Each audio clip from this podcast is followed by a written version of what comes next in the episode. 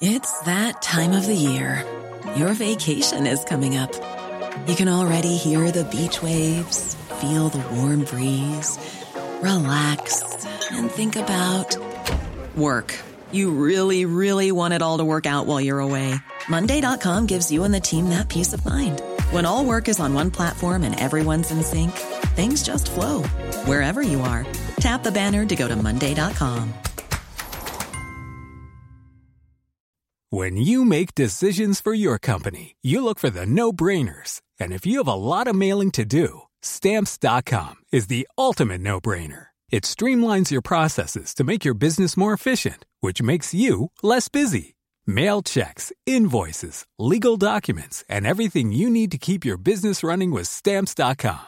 Seamlessly connect with every major marketplace and shopping cart. Schedule package pickups and see your cheapest and fastest shipping options from different carriers. With rates up to 89% off USPS and UPS rates. And with the Stamps.com mobile app, you can take care of mailing and shipping wherever you are. Make the same no brainer decision as over 1 million other businesses with Stamps.com. Sign up with Code PROGRAM for a four week trial, plus free postage and a free digital scale. No long term commitments or contracts.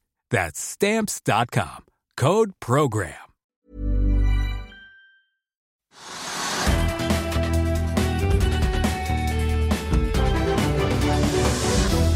Hei og velkommen til Økonominyhetene. I dag blir det teknisk analyse av Rex Silikon og Nell. To spennende aksjer. Det begynner på Oslo Børs, Kanskje ikke like spennende, men det skjer jo et eller annet. Eh, Ja, altså hovedindeksen, der skjer det ikke noe. Den er pluss minus null, vært bitte, bitte litt ned i dag. Og, ja, så det det synes jeg var ganske uspennende. Men det skjedde jo noe i dag tidlig. Da kom jo meldingen om at eh, som du kan ganske mye, mye mer om enn meg, men da kom en melding om at dette selskapet heter Wackybody eller Wikibody? Vaxibody, kanskje? Vaxibody, eller hva heter Vaxibody, som er et sånt uh, farmasiselskap eller bioselskap. Og som da den kjente investor Jan Haugmann Andersen er ganske stor aksjonær i. Og han har aksjer for to milliarder kroner. Og så kom meldingen der tidlig da om at uh, Vaxibody hadde inngått da en avtale med et stort farmasiselskap i verden, eh, hvor da man skulle gjøre ting sammen og utvikle osv. De skulle få penger i upfront, altså Vaxibody, og også få en royalty på penger de kunne tjene fremover. Og så sa man at den avtalen har vært 7 milliarder kroner, eller noe sånt, og det er ganske mye penger. hvis det blir noe av. Og da føk kursen opp 50% eller noe sånt. Og verdiene for Jan Haugmann Andersen, som er blitt en dyktig investor, han er jo Kahoot også, det økte med 700 millioner kroner, sto det på Finansavisen enda dag tidlig. Det var en ganske big news når man eh, leste det. Eh, Så det var en big news. Jeg vet ikke hva som skjedde i løpet av dagen. Jeg har ikke fulgt med, men jeg vet ikke om kursen har falt tilbake eller om det har økt, gått videre. Men det er ganske mange andre kjente, gode historier der også. Blant annet da eh, Tore Aksel Volleberg er med. Gamle Ja, han har lukket seg fram til Han har 200 millioner der, han òg. Ja, akkurat det er det. Så, og han de, de var jo parhester, Herman Andersen og, og Volleberg. Og det var også andre kjente investorer som var i. Rasmussen-gruppen og Andres-gruppen har gjort det bra òg. Ja, Wilhelmsen-gruppen tror jeg også. 300 millioner her. Ja, men hvordan har kursen gått i løpet av dagen? Har du sett på den, Nei, det har jeg faktisk ikke sett på. Nei, men i hvert fall så var det 50 opp, da. Og Det skal da- noteres da på Merkur Market, Ja, som er nettopp. ikke der inne ennå. Nei, det, så nå var det sånn unotert, og så fikk man en 50% oppgang. Og så er spørsmålet da hva som, kommer, hva som kommer til å skje med kursen når det kommer på Merkur. Og om det blir en fantastisk kule som man bare må gå ut av, eller sitte i da, for å eventuelt få penger hvis de selger hele selskapet til da den samme, eh, det, det selskapet, farmasiselskapet man har samarbeidet med nå, eller andre. Mange muligheter. Jeg kan ikke selskapet godt nok. at det, dette er selskapet de har gjort en avtale med, da, en royalty eller en lisensavtale og samarbeid. Det er Genentech, som er et datterselskap av store Roach. Ja, og så skal det jo da, hva går det om? Jo, man må vite hva de driver med. De skal lage da noen form for eh, tester eller vaksiner eller hva det måtte være når det gjelder kreft. Ganske viktig. Og, flere kreftformer. Det jeg leser meg til. Altså, det er liksom ikke én type kreft, for da kan man hvis du bommer på den, og så er det ikke noe igjen. Men det er noen form for vaksiner eller medisiner eller hva det er, som da på en måte kan brukes i mange typer kreftfinding og, og fjerne kreften osv. Så, videre. så hvis det slår til, så er det kjempestort.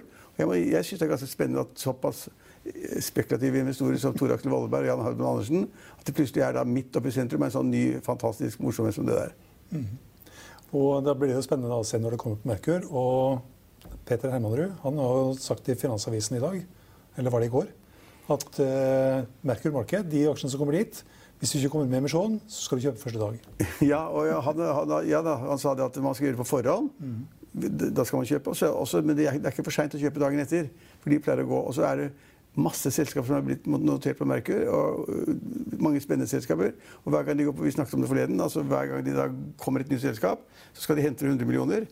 Og tenker de nå tar vi, for vi er liksom ikke notert, og vi er ganske små, vi har ikke noen inntekter, vi har nesten ikke, ikke noe overskudd. Vi, vi, må være forsiktige, vi skal bare ha 100 millioner eller 500 millioner. Og så får de da seks eller fem ganger det de har bedt om. Så det er kjempeovertegning hver gang.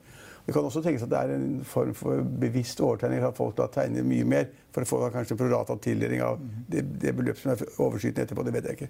Men det er iallfall masse spennende som skjer på det. og Det følger vi ganske nøye med på i Finansavisen. og Det kommer vi til å gjøre fortsatt. og og intervjue da Herman og andre som har meninger om hvordan man skal spille det spillet på det, i det unoterte markedet. Det er notert på Merkur før de kommer dit. Så det er, det er iallfall kanonstart for Vaxibody. Mm. Og det kan vi også, uten at vi skal drive noe reklame for Merkur, så er vel kanskje det den mest spennende børsen i øyeblikket? I øyeblikket klart den mest spennende børsen. Ja. Men det, jeg holdt, holdt på å spørre deg før jeg kom til laksen i dag. eh, hva er Nicolai Tangens, det nye forvalter av oljefondet, største problem? ingen banker som er store nok til å ta imot pengene hans. Ja, Han har så mye penger som han blir tvunget til å ta ut av fondene sine og gjøre alt mulig riktig for å få jobben i Norges Bank. For å få jobben som han tjener 6 millioner på i året. Så sa han at ok, da gjør jeg alle pengene jeg har i fond og andre ting, til kontanter, og så setter jeg det i bank. Og da er, det er ikke noe problem. Han kunne ikke mye om bank. Nei, men problemet er ingen banker. Altså Det finnes jo banker som vil ta de pengene. Men f.eks. norske banker så har jo de da en garantiramme hvis du setter inn penger og banken går konk så får du to millioner kroner av sikringsfondet. To millioner. Da kan du ikke sette inn åtte milliarder. Og hvis da banken går konk, så taper du åtte milliarder. Eller du får da to, minus to, to, millioner. Så det går jo ikke. Så han har et problem da med Norges Bank nå. For de leter etter steder hvor da Norges Bank og han sammen kan sette åtte milliarder kroner. Som han kan gjøre hva han vil med. Det er hans private penger som han har tjent tidligere og beskattet tidligere og tatt hjem til Norge og setter på konto for å få denne jobben. Og, og, og det, det, jeg syns er ganske søtt. altså nå, nå, har man kanskje kommet frem til at hvis de, i, samarbeid med Finansdepartementet så har de kommet frem til at hvis han setter i en bank for å få negativ rente, så kan han kanskje prøve å sette inn der. Jeg skjønner ikke hvorfor resonnementet Obligasjoner, ja. Nei, ja, ja obliga eller andre steder, mm. hvis det var negativ rente. da. Og han får lov til å sette det i statsobligasjoner eller andre sikre selskapsobligasjoner. Også om det er negativ rente. Men hvorfor det var negativ rente, skjønte jeg ikke. Men iallfall så, kunne man få lov å sette pengene da, i statsobligasjoner. Men er, man kan jo se på hvilke land som går konk. Altså, man setter jo ikke det i et land sånn Nei, men nå er jo stort sett statsobligasjonsrentene, i hvert fall i Europa, er jo sånn Ja, ja, vi, men da, og, Tyskland går ikke konk. Norge går ikke konk. USA går ikke konk. Mm. Så du kan sette deg i statsobligasjoner. Da får du negativ rente. Mm. Da har du sikra pengene, da. Da har du sikret pengene, akkurat det. Men det, er, men det er jo ganske søtt, da.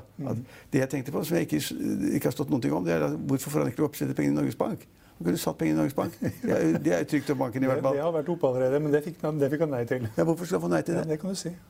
Det er kanskje noen regler for det òg? Hvis han jobber i Norges Bank og setter pengene i egen bank, det måtte være kjempepopulært. da. ja, 8 milliarder rett inn. Og... Så, og så kom det noen hundre ansatte i Norges Bank at jeg vil også ha pengene mine i Norges Bank. Jeg, jeg trodde nesten at de hadde det. Altså, jeg synes det er rart at de ikke har det. Okay, men det var dagens store quiz. altså Hvordan går det med pengene til Nicolai Tangen? Det er et morsomt, et morsomt problem, da. ja, Han skal lete rundt nå, da, jobbe hver dag for å finne et sted som da, han kan kjøpe nok statsobligasjoner i Tyskland eller USA, Frankrike eller, eller Italia eller hvor det måtte være. Man må, ikke, man må ikke komme inn i land som ja, Italia eller Hellas eller noe sånt. Du han at ikke får tilbake pengene i det hele tatt. Så han skal sikkert ha safe penger. Mm, og Citybank var også utelukket, for det er en hovedbankforbindelse til Norges Bank. hele oljefondet. Ja, sånn, ja, Så det er komplisert å være rik også, da. Ja, ok, Du snakket om hovedindeksen, som var litt kjedeligere. Men det er noe, altså REC Silikon har jeg vært oppe i dag. Det har vært morsomt. 15-16% Det er morsomt. Det er det selskapet som Kjell Inge Røkke da på en måte har enten hatt flaks eller vært superflink til. Og det har liksom tatt en kjempeoppstyre som da Jens Ulltveit Moe, investor som ikke tror jeg har så veldig mye penger igjen. Iallfall han ute av den 400 til kapital. Ut av den. Eh, så da tror vel ikke redaksjonen i kapital. Det er så veldig mye igjen å hente der. Selv om det er liksom et sprang fra, at for å komme inn på listen, så må du ha 850 millioner. da. Mm. Så det betyr at det, ja, du, du, kan jo ha ganske mye penger ut, og leve godt med det. Uh, uten å være på listen. Men, ja, men iallfall så måtte han ut av selskapet. Du har nevnt et par ganger for halvannen krone per aksje. eller sånn nå. Ja, Han solgte vel for 1 krone og 32,50. Ja, ja 1,32,50, det er bra husket.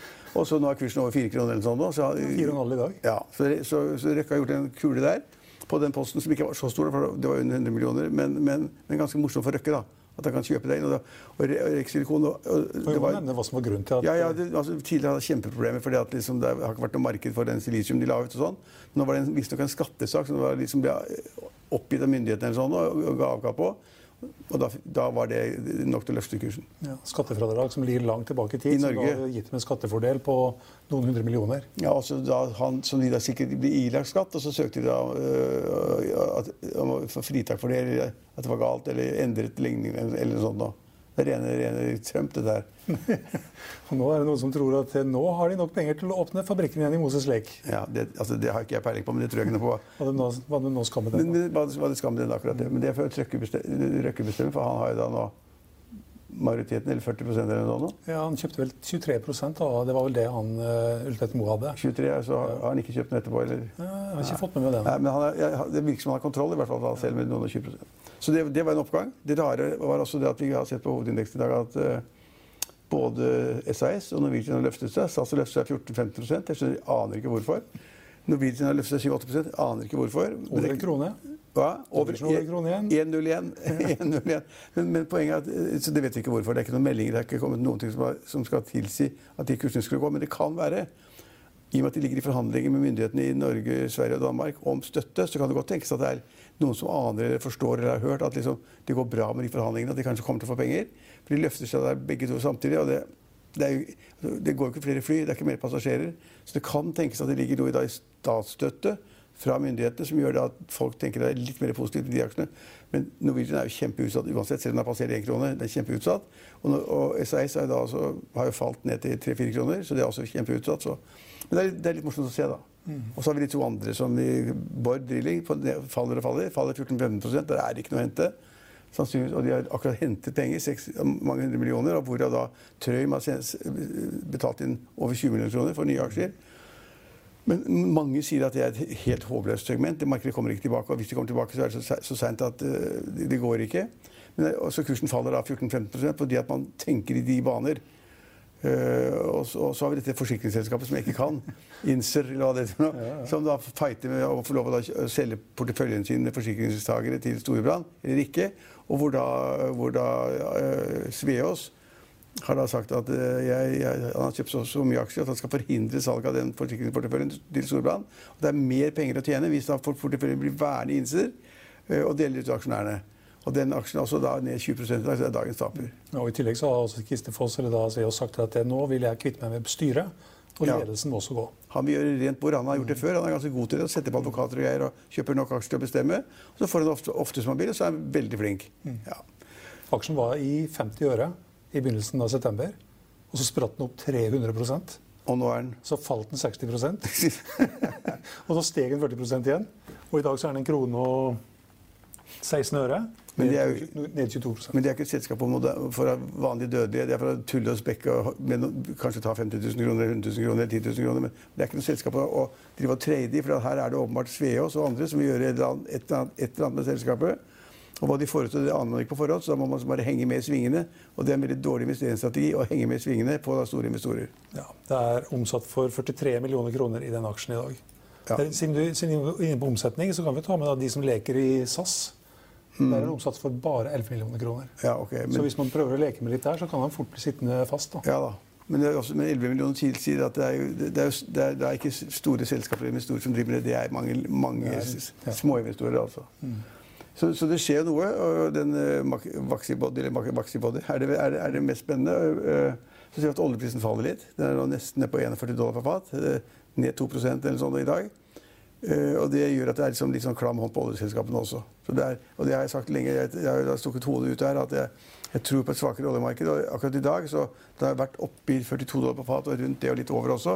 Og nå er den nesten 41, så nå, nå tipper den nedover og går videre nedover, tipper jeg. Ja, Equinor er ned 2% for eksempel. Ja. BP er ned bare 0,3% Mens lakseaksjene stiger pent i dag òg. fortsetter å stige fordi man kanskje tror på en prisoppgang, som som du sa i går. Ja, det tror vi Vi har vært inne med det og flere aksjer som eh, Men norske kroner kan si, altså, norske kroner har gått veldig mye opp og ned, men nå har den styrket seg plutselig igjen. da. Så det har vært svak. og så det har den det har vært litt så spennende det siste. for at Den svekka seg ganske kraftig, og så nå de siste par dagene så har den snudd litt ned igjen. Vi var jo nesten oppe i, Mot euroen var vi nesten oppe i 11,20, Ja, og nå er vi nede igjen på 10,90. under 11 kroner, ja. Og også mot dollar. altså, Så plutselig har kronen blitt veldig mye sterkere. da. Uten at jeg kan forklare helt hvorfor, for oljeprisen faller jo. Ja. Så ja, kanskje folk sier at norsk økonomi er sterk og god. Det kan tenkes.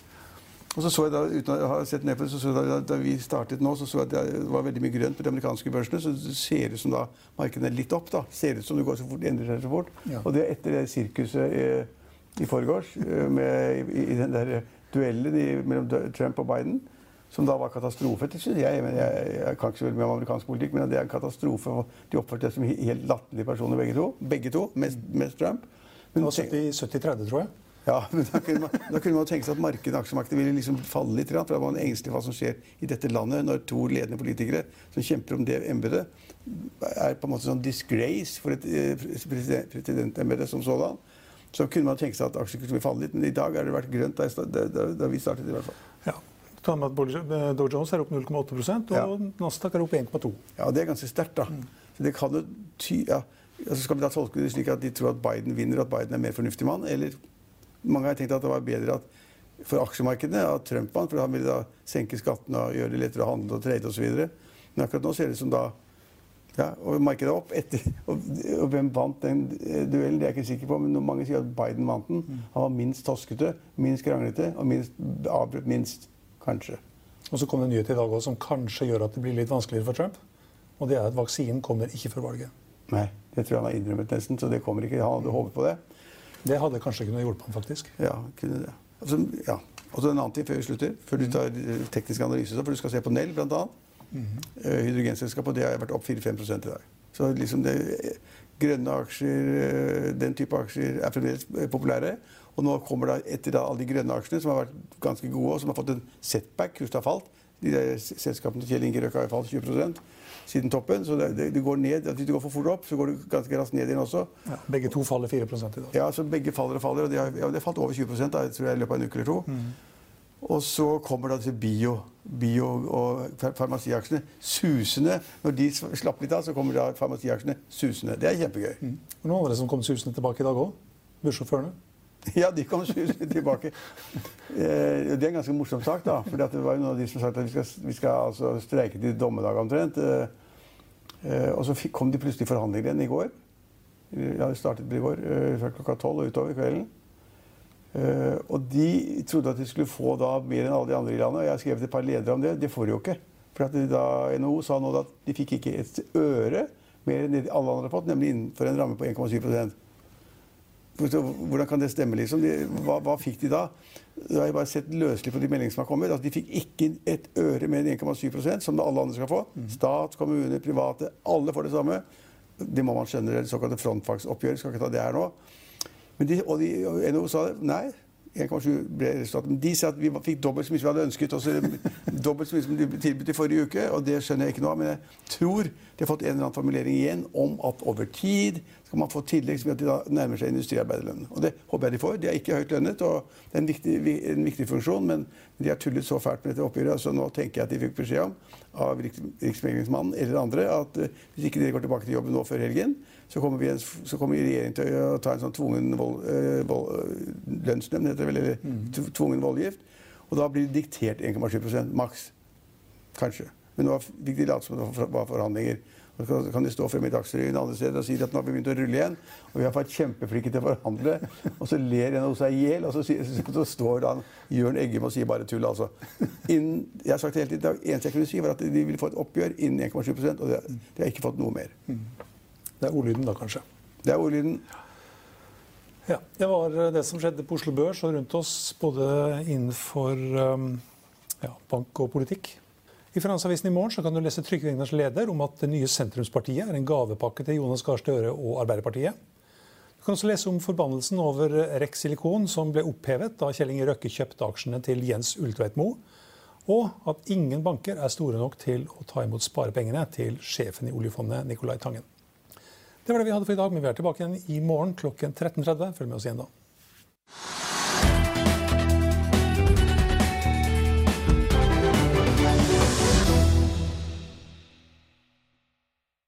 Økonominyhetene er en podkast fra Finansavisen. Programledere er Marius Lorentzen, Stein Ove Haugen og Benedikte Storm Bamvik. Produsenter er Lars Brenden Skram og Bashar Johar.